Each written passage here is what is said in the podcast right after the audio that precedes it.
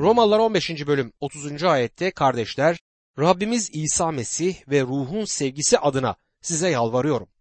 Benim için Tanrı'ya dua ederek uğraşıma katılın diyor Pavlus.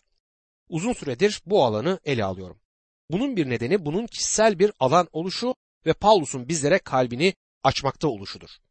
İkinci neden ise Hristiyanlığın birinci yüzyılda nasıl yürüdüğünü görüyoruz. Hristiyanlığın pratik yönünü bu bölümde görürüz. Romalıların ilk kısmında Paulus bizlere doktrin verdi. Şimdi o doktrini uygulamaya koymaktadır. Bu kutsal kitapta gördüğümüz Elçi Pavlus'un en ciddi ve en içten dua isteğidir. Kardeşler Rabbimiz İsa Mesih ve ruhun esenliği sevgisi adına benimle birlikte çaba göstererek Tanrı'ya dua edin demektedir. Elçi Paulus tehlikeyle karşı karşıya olduğunun ve hizmetinde bir kriz noktasına geldiğinin bilincindedir. Her yanda düşmanları vardır. Bunu izleyen olayların kanıtladığı gibi Elçi Paulus'un korkmak için bir nedeni vardı. Çok harika bir biçimde dua ister. Rabbimiz İsa Mesih adına diyor Paulus. Kendisine gelecek her şeyin İsa Mesih aracılığıyla geleceğinin farkındadır. Roma'daki inanlardan duada kendisine katılmalarını ister. Hepinizin Mesih aracılığıyla dua etmenizi istiyorum der. O bizim büyük duada aracılık edinimizdir. Benim için İsa Mesih aracılığıyla duada Tanrı'ya gidin. Ruhun esenliği sevgi adına derken sevginin bütün inanları birleştiren ruhun meyvesi olduğunu söylemek ister. Ve dostum birbirimiz için dua etmemiz gerekmektedir. Çaba göstererek Tanrı'ya dua edin. Bu çaba ya da uğraş sözü harikadır. Paulus benimle birlikte bu konuda mücadele edin demektedir. Benim için Mesih'in bereketinin doluluğuyla yanlarına gitmek için bu sözlerle kişisel güvenliği konusunda dua ister. Dostum bizlerin de mekanik bir şekilde ya da dua listemizin üzerinden hızlı geçerek değil, böyle dua etmeye ihtiyacımız var. Elçi Pavlus için dua büyük bir mücadeleydi. Ruhuna gerçek bir egzersiz yaptırmaktaydı. Tanrı'yı yakalıyordu. Bu tür dua günümüzde çok ihtiyacımız olan bir şeydir. Sizler ve benim bizler için dua etmesini bilen insanlara ihtiyacımız var. Romalılar 15. bölüm 31. ayette Yahudiye'deki imansızlardan kurtulmam için Yaruşilim'e olan hizmetimin kutsallarca kabul edilmesi için dua edin diye yazar. Yani bu Pavlus'un dua isteğiydi ve çifte bir dua isteğiydi. Hayatı Yahudiye'deki imansızlar, dinsel yöneticiler tarafından tehdit edilmekteydi. Pavlus onlardan kurtarılmak istiyordu. İkinci olarak Yarışilim'deki kilise diğer uluslardan bir armağan alma konusunda tereddüt edebilirdi. Onların bu armağanı kabul etmesini istiyordu. Dostum her iki istekte yanıtlanmıştı. Birisi evet ama tutuklandı diyecektir. Evet ama hemen Romalılara teslim edilmiş ve kralların önüne çıkabilmiş ve sonunda Roma'da Sezar'ın önüne çıkmıştı ve bu da haberci Paulus için Tanrı'nın isteğinin tamamlanmasıydı. Romalılar 12. bölüm 32. ayette öyle ki Tanrı'nın isteğiyle sevinçle yanınıza gelip sizlerle gönlümü ferahlatayım diyor. Bu Paulus'un dua isteğinin sonudur. Dua yanıtlanmıştı, hayatı kurtulmuştu. Yarışilim'deki kilise armağanı kabul etti. Sezariye'de iki yıl hapiste kaldığı, yolda bir gemi kazası geçirdiği ve Roma'ya zincirlerle bağlı bir şekilde vardığı halde Roma'ya sevinç içerisinde gitti. Buna karşın Elçi Paulus kutsal ruhun sevincine sahipti. Hepimizin hayatlarımızda bu tür bir sevince ihtiyacımız vardır. Elçi Paulus Roma'da dinlenebildi mi ve ruhu tazelendi mi? Bunun yanıtı tartışılabilir. Bütün bunları ve daha fazlasını Roma ve İspanya'nın ötesinde Elçi Paulus buldu. Yaşamının sonlarına doğru imandaki oğlu Timoteus'a şöyle yazar. 2. Timoteus 4. bölüm 6 ila 8. ayetler arasında çünkü kanım adak şarabı gibi dökülmek üzere. Benim için ayrılma zamanı geldi. Yüce mücadeleyi sürdürdüm, yarışı bitirdim, imanı korudum. Bundan böyle doğruluk tacı benim için hazır duruyor. Adil yargıç olan Rab o gün bu tacı bana, yalnız bana değil, onun gelişini özlemle beklemiş olanların hepsine verecektir diyor. Bu bölüm Pavlus'un bereket duasıyla son bulur. Romalılar 15. bölüm 33. ayette esenlik veren Tanrı hepinizle birlikte olsun amin der. Barış ya da esenlik veren Tanrı sözü Pavlus'un hapiste zincirlere vurulmuşken fırtınada ve gemi kazasında huzur hissettiğini göstermektedir. Sizlerin ve benim de yaşamlarımızda bu tür bir esenliğe sahip olmamız için dua ediyorum. Romalılar 16. bölümde Hristiyanların birbirleriyle olan ilişkisi gösterilmektedir. Romalıların bu son mektubunda müjdeyi 1. yüzyıldaki Roma İmparatorluğunda günlük hayatta görmekteyiz. O putperest Roma İmparatorluğunda o şehirlerde yüreklerinde Rabbin sevinci olarak yaşayan Hristiyanların Mesih için tanıklar olması beni çok heyecanlandırıyor.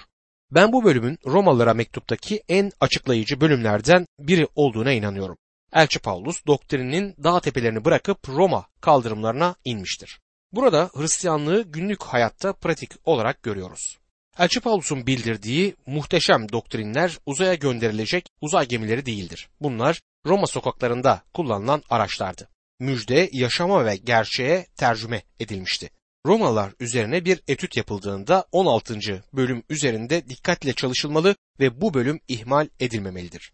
Neville çok doğru olarak 16. bölüm birçok insan tarafından kendi zararlarına ihmal edilmiştir demiştir. Bu bölümde kendilerinden isimleriyle söz edilen 35 kişi vardır. Bunların hepsi de ya Roma'da yaşayan inanlılar ya da Elçi Paulus'la birlikte olan inanlılardı. Bu mektubu yazdığında büyük bir olasılıkla Elçi Paulus Korint'teydi. Burada Roma felsefe ve uygulamalarının tam karşıtı olan karşılıklı sevgi ve şefkati görmekteyiz. Bu ayrıca günümüzde birçok kilisede ne yazık ki bulunmayan şeylerdir. Bu Hristiyanlar farklıydılar. Roma'nın bu insanlara hayran kalıp bu Hristiyanlar birbirlerini ne kadar çok seviyorlar demelerine şaşmamalı. İlk olarak Fibi'nin övülmesi karşımıza çıkar. Bu bölüm bu mektubu Roma'ya götüren kadın olan Fibi'nin övülmesiyle başlar. Romalılar 16. bölüm 1 ve 2. ayetlerde Kenhere'deki kilisenin görevlisi olan kız kardeşimiz Fibi'yi size salık veririm. Kutsallara yaraşır biçimde onu Rabbin adına kabul edin. Herhangi bir ihtiyacı olursa kendisine yardım edin. Çünkü o ben dahil birçoklarına destek sağlamıştır diyor. Fibi bu iman kahramanlarının bir başka listesi olan yerde söz edilen ilk kişidir. İsminden de belli olduğu gibi Yahudi değildi. Daha önce de belirttiğim gibi Roma'daki kilisede diğer uluslardan birçok kişi vardı. İsmi Yunan mitolojisinde ay tanrıçası olan Artemis ya da Diana'dan geliyordu. Kardeşi de güneş tanrısı Apollo'ydu. Birçok inanlı vaftiz olduklarında yeni isimler almışlardı ama Fibi her nedense putperest ismini kullanmaya devam etmişti. Romalılara mektubu götüren kişi Fibi'ydi. Belli ki kilisede önde gelen bir kadındı. Bu da onun yetenekli bir kadın olduğu anlamına gelir. Kendisinden ayrıca Kenhere'deki inanlar topluluğunun görevlisi olarak söz edilir. Kenhere, Korint'in doğu limanıdır. Eski Korint harabelerini ziyaret ettiğimde Kenhere'yi uzaktan gördüm. Bulutsuz bir gündü ve bulunduğum yerden 8-9 mil uzakta olduğu söylendiği halde çok daha yakın görünüyordu. Belli ki Elçi Paulus Romalılara mektubu Korint'teyken yazmıştı ve zengin bir kadın ya da bir iş sahibi olan Fibi onu Roma'ya götürmüştü. Kilisenin hizmetkarı olduğu söylenmektedir. Bu onun görevli yani diakon olduğunu gösterir. Yunanca diakonos sözcüğü görevli için kullanılan sözcüktür. İlk inanlar topluluğunda kadınların çok önemli bir yeri olduğunu ortaya koymaktadır bu ayet. Eğer şimdiye kadar kadınlara kiliselerde hak ettikleri yer verilseydi, günümüzde kilise vaizi konumunda olan kadınlar olmayacağını düşünüyorum. Çünkü kutsal kitapta kadınların vaiz olmaları yasaklanmıştır.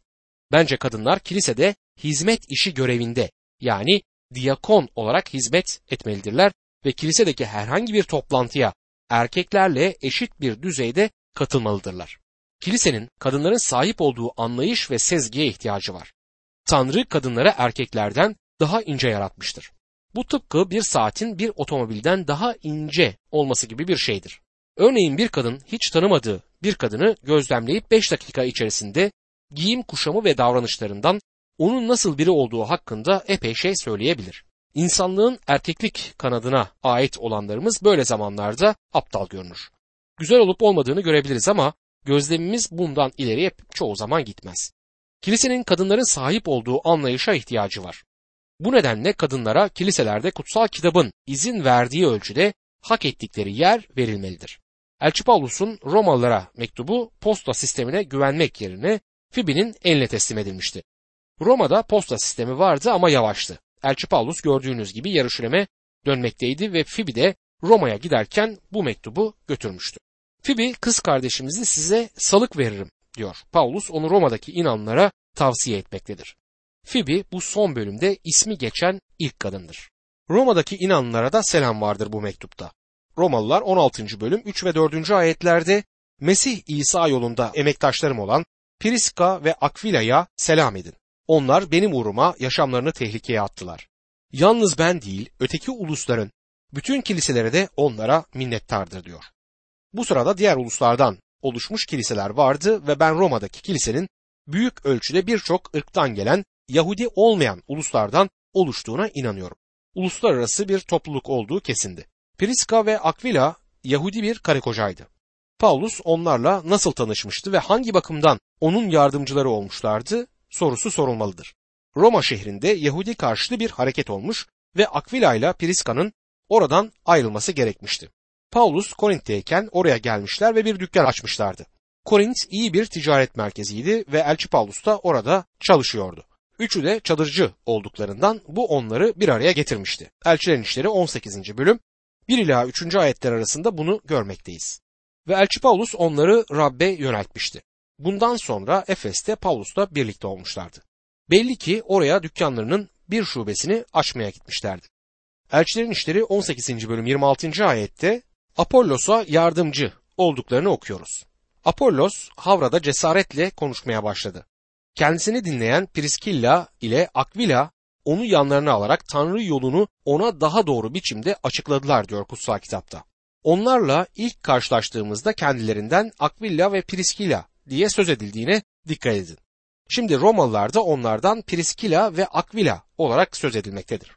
İsimlerin yerleri neden değişmiştir? Çünkü burada kadının ruhsal konularda daha üstün olduğu bir durum karşımıza çıkar. Her ikisi de Mesih için çok iyi işçiler oldukları halde ruhsal bakımdan kadın daha ileri bir seviyedeydi. Romalılar 16. bölüm 5. ayette onların evindeki inanlılar topluluğuna da selam söyleyin. Asya ilinden Mesih'e ilk iman eden sevgili kardeşim Epenetus'a selam edin diyor. Yerel inanlılar topluluğu başlangıçta evlerde toplanmaktaydı. Elçilerin İşleri 12. bölüm 12. ayette, Koleseliler 4. bölüm 15. ayette, 1. Korintiler 16. bölüm 19. ayette ve Filimon 2. bölümde bunu görüyoruz. Sanday kilise olarak binaların kullanıldığına dair 3. yüzyıla kadar kesin bir kanıt yoktur diye yazar. Günümüzde birçok insan evlerde başlayan kilisenin sonunda yine evlerde toplanmaya döneceğine inanmaktadır. Ben de yıllardır böyle düşünüyorum. Adına kilise dediğimiz kocaman çan kuleli o büyük binaların çoğu tuğla, taş ve çimentodan fazla bir şey değiller. Bu kiliseler gerçek inanlar bedenini içermeyip birer mozele gibi durmaktadırlar. Kiliseden bir bina olarak söz edilmesi özgün planda hiç olmayan bir şeydir. İlk 300 yıl boyunca kilise inanlar topluluğuydu ve Aquila ve Priska'nınki gibi evlerde toplanıyordu. Epenetus övünen anlamına gelen Yunanca bir isimdir. Belli ki bu kişi Paulus'un Roma'nın Anadolu bölgesinde İsa Mesih'e yönelttiği ilk kişiydi. Romalılar 16. bölüm 6. ayette sizin için çok çalışmış olan Meryem'e selam söyleyin diyor. Meryem asilik anlamına gelen bir Yahudi ismidir. Sizin için çok çalışmış sözü tükenene dek çalışmış anlamına gelmektedir. Hayatında büyük bir değişim gerçekleşmişti. İnanlı olmadan önce asilik içerisindeydi ama şimdi diğer inanlar için kendisini tüketmektedir. Çünkü şimdi artık Mesih'e itaat etmektedir. Romalılar 16. bölüm 7. ayette Mesih'in elçileri arasında tanınmış ve benden önce Mesih'e inanmış olan soydaşlarım ve hapishane arkadaşlarım Andronikus'la Yunya'ya selam edin diyor. Andronikus Yunanca bir isimdi ve isim bir köleyle özdeşleşmişti. Yunia bir Romalı ismidir ve hem erkek ve hem de kadın ismi olabilir. Elçi Paulus onlardan soydaşlarım olarak söz eder. Bunun anlamı onların da Paulus gibi Benjamin oymağından geldikleri olabilirdi. Yakın bir kan bağı anlamına gelmesi tam olarak gerekmez. Paulus hapishane arkadaşlarım der. Belli ki Paulus onlarla Roma İmparatorluğunda bol olan hapishanelerden birinde tanışmıştır. Bu ikisi iyi tanınan elçilerdi ve inanlar tarafından kendilerine de saygı duyulurdu. Doğal olarak varsayıldığı üzere Elçi Paulus onları Mesih'e yöneltmemişti. Onlar Paulus daha Mesih'e iman etmeden önce Mesih inanlısıydılar. Roma'daki kilise Elçi Paulus tarafından çok farklı şartlar altında kurulmuştu. Aquila ve Priskilla ile Korint agorasında pazar yerinde tanışmış, daha sonra ise bu iki adamla hapishanede tanışmıştı. Sonra bu kişiler Roma'ya giderek oradaki kiliseyi kurdular. Romalılar 16. bölüm 8 ila 9. ayetlerde Rabbe ait olan sevgili kardeşim Ampliatus'a selam söyleyin. Mesih yolunda emektaşlarımız olan Urbanus'a ve sevgili kardeşim Stakis'e selam edin diyor. Ampliatos çok görülen bir köle ismidir ve katakomplardaki ilk Hristiyan mezarlarının üzerinde her zaman şeref yerinde olmak üzere sık sık görülen bir isimdir. Belli ki Elçi Pavlus'un Rabbe yönelttiği ve çok sevdiği kişilerden birisiydi bu. Urbanos şehirli anlamına gelen bir sözdür. Bu da sık görülen bir köle ismiydi ve köy yerine şehirde büyütüldüğü anlamına gelmekteydi. Kendisinden inanlarla birlikte gerçek bir işçi olarak söz edilir. Stakis'in ismi kraliyet sarayında yaşayanların listesinde geçmektedir. Bu isim bir erkek ismidir. Sadece Paulus tarafından değil, bütün kilise tarafından seviliyordu. Romalılar 16. bölüm 10. ayette Mesih'in beğenisini kazanmış olan Epellis'e selam söyleyin.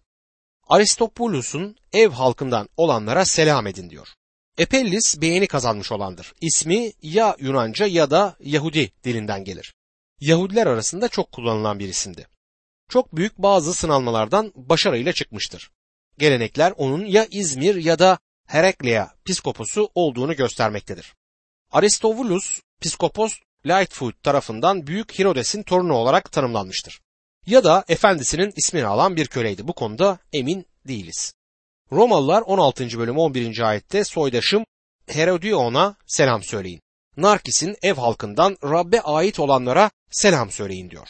Elçi Paulus kendisinden soydaşım diye söz ettiğine göre Herodias belli ki bir Yahudiydi. Belki de bir köleydi ve ait olduğu ailenin ismini almıştı. Narkis ise Agrippa tarafından öldürülen önceden köle olup daha sonra özgür kılınmış, tanınmış birinin adıydı. Burada sözü edilen kişi büyük bir olasılıkla eskiden ona ait olup onun ismini almış birisiydi. Romalılar 16. bölüm 12. ayette Rabbin hizmetinde çalışan Trifena ile Trifosa'ya selam edin. Rabbin hizmetinde çok çalışmış olan sevgili Persis'e selam söyleyin diyor. Trifena ve Trifosa ince ve narin anlamlarına gelen kulağa hoş gelen isimlerdi. Bu iki hanımın hiç evlenmemiş olan Mesih'e iman etmiş iki kız kardeş olduklarını tahmin ediyorum. Zengin kadınlar olup haberci Paulus'a bakmış olabilirlerdi. Elçi Paulus onların Rabbin hizmetinde çalıştıklarını söylemiştir. Roma'daki kilisede gerçek işçilerdi bu hanımlar. Sevgili Persis, Rabbin hizmetinde çok çalışmış olan bir başka kadındı. Persis özgür kılınmış bir kadının ismiydi ve bu konuda biraz önce söze edilen iki kız kardeşin yaptıklarından daha fazla şey gerçekleştirmesine izin vermiş olabilirdi. Romalılar 16. bölüm 13. ayette Rabbin seçkin kulu olan Rufus'a ve bana da annelik etmiş olan annesine selam edin diyor. Bu adam bu bölümün gölgelerindeymiş gibi görünse de onun hakkında saçının rengine kadar çok şeyi bilebiliriz. İsmi kırmızı anlamına gelmektedir. Onu kırmızı diye çağırıyorlardı ancak saçı kırmızı olan birçok kişi vardı. Onu sıra dışı yapan saçı değildi. Onu tanıtan sözü Rabbin seçkin bir kulu ya da diğer tercümelerde olduğu gibi Rabbin seçilmiş bir kulu sözüdür. Bunu çok seviyorum. Peki ama bu bölümde adı geçen diğerleri de Rab'de seçilmiş kişiler değiller miydi diye sorabilirsiniz. Evet hepsi de harika kutsallardı ama bu adam özeldi. Belki de daha iyi bir tercümede Rab'de mükemmel olabilir. Tanrı'nın büyük bir kutsalıydı. Rufus'un kilisenin önde gelen kişilerden biri oluşu babasından söz edilmesiyle ima edilmiştir. Yuhanna Markos müjdesini yazdığında onu öncelikle Romalılar için yazmıştı. Bu müjdede Mesih'in çarmıhını taşıyan Simon adlı bir adamdan söz eder. Markos 15. bölüm 21. ayette kırdan gelmekte olan Simon adında Kireneli bir adam oradan geçiyordu. İskender ve Rüfus'un babası olan bu adama İsa'nın çarmıhını zorla taşıttılar diyor. O gün Romalı askerler İsa'nın çarmıhın altında yere düştüğünü görmüşlerdi. Kalabalığa bakarak iri yarı bir adam olan Kireneli Simon'u gel buraya bunu taşı diyerek çağırmışlardı. Ve Kireneli Simon İsa'nın çarmıhını taşımış ve bunu yapmak kendisini ölümsüzleştirmişti. Roma'ya yazan Yuhanna Markos Simon'u onlara İskender ve Rufus'un babası diye ekleyerek tanıtır. Roma'daki bütün kutsallar Rufus'u tanırlardı çünkü kilisede önemli bir kişiydi. Elçi Paulus'un selamının Rufus'un annesini de içerdiğini görüyoruz. Rufus'a ve bana da annelik etmiş olan annesine selam edin diyor.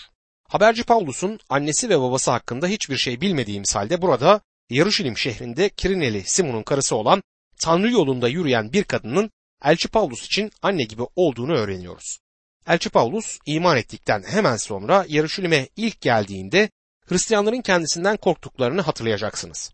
Bu güçlü ferisinin içten olduğuna ikna olmamışlardı. İşin içinde bir iş olmasından şüpheleniyorlardı. Buna karşın Rufus'un annesi Paulus'u evine kabul etti. Gel Rufus'la beraber onun odasında kalırsınız dedi.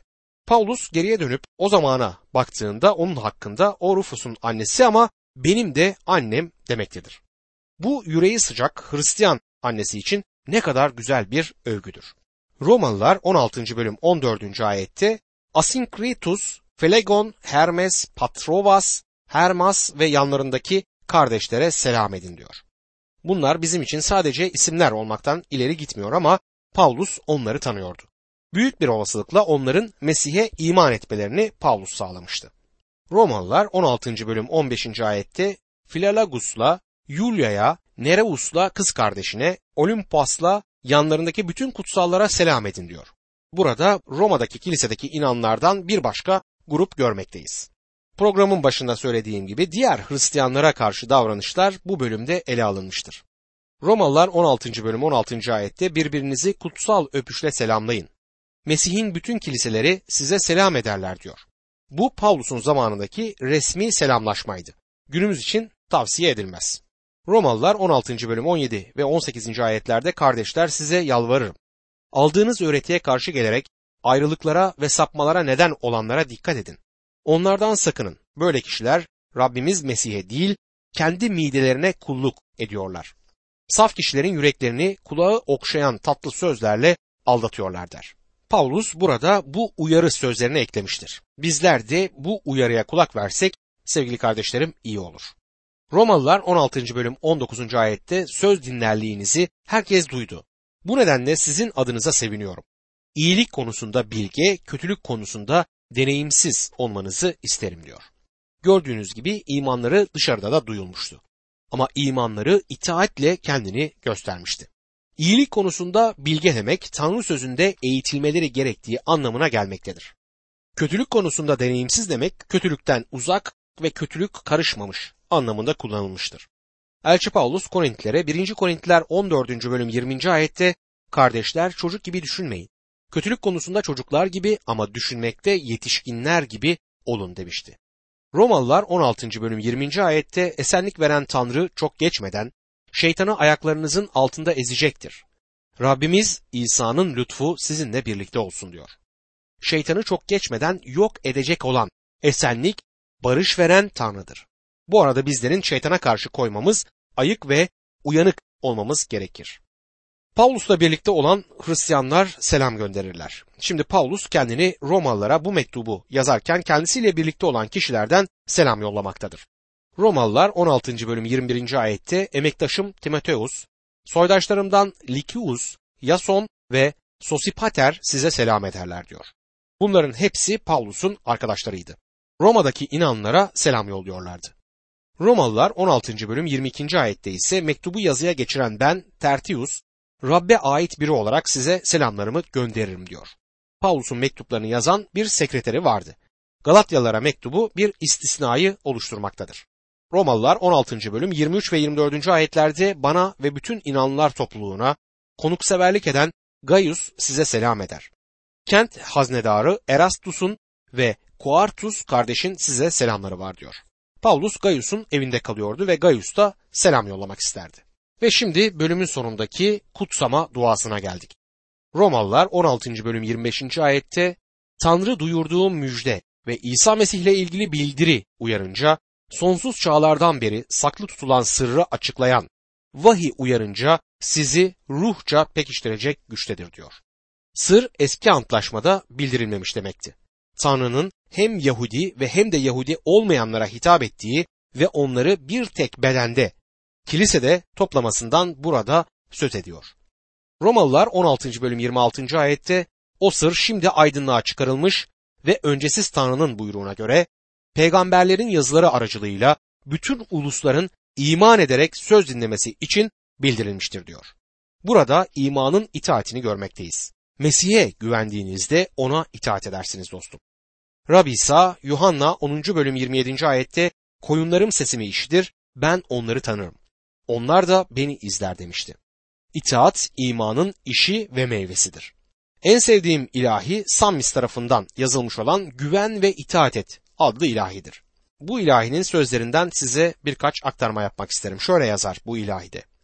Rab'le birlikte onun sözünün ışığında yürüdüğümüzde yolumuza ne yücelik saçar. Biz onun iyi isteğini gerçekleştirirken o bizim ve bütün güvenip itaat edenlerin yanında kalır.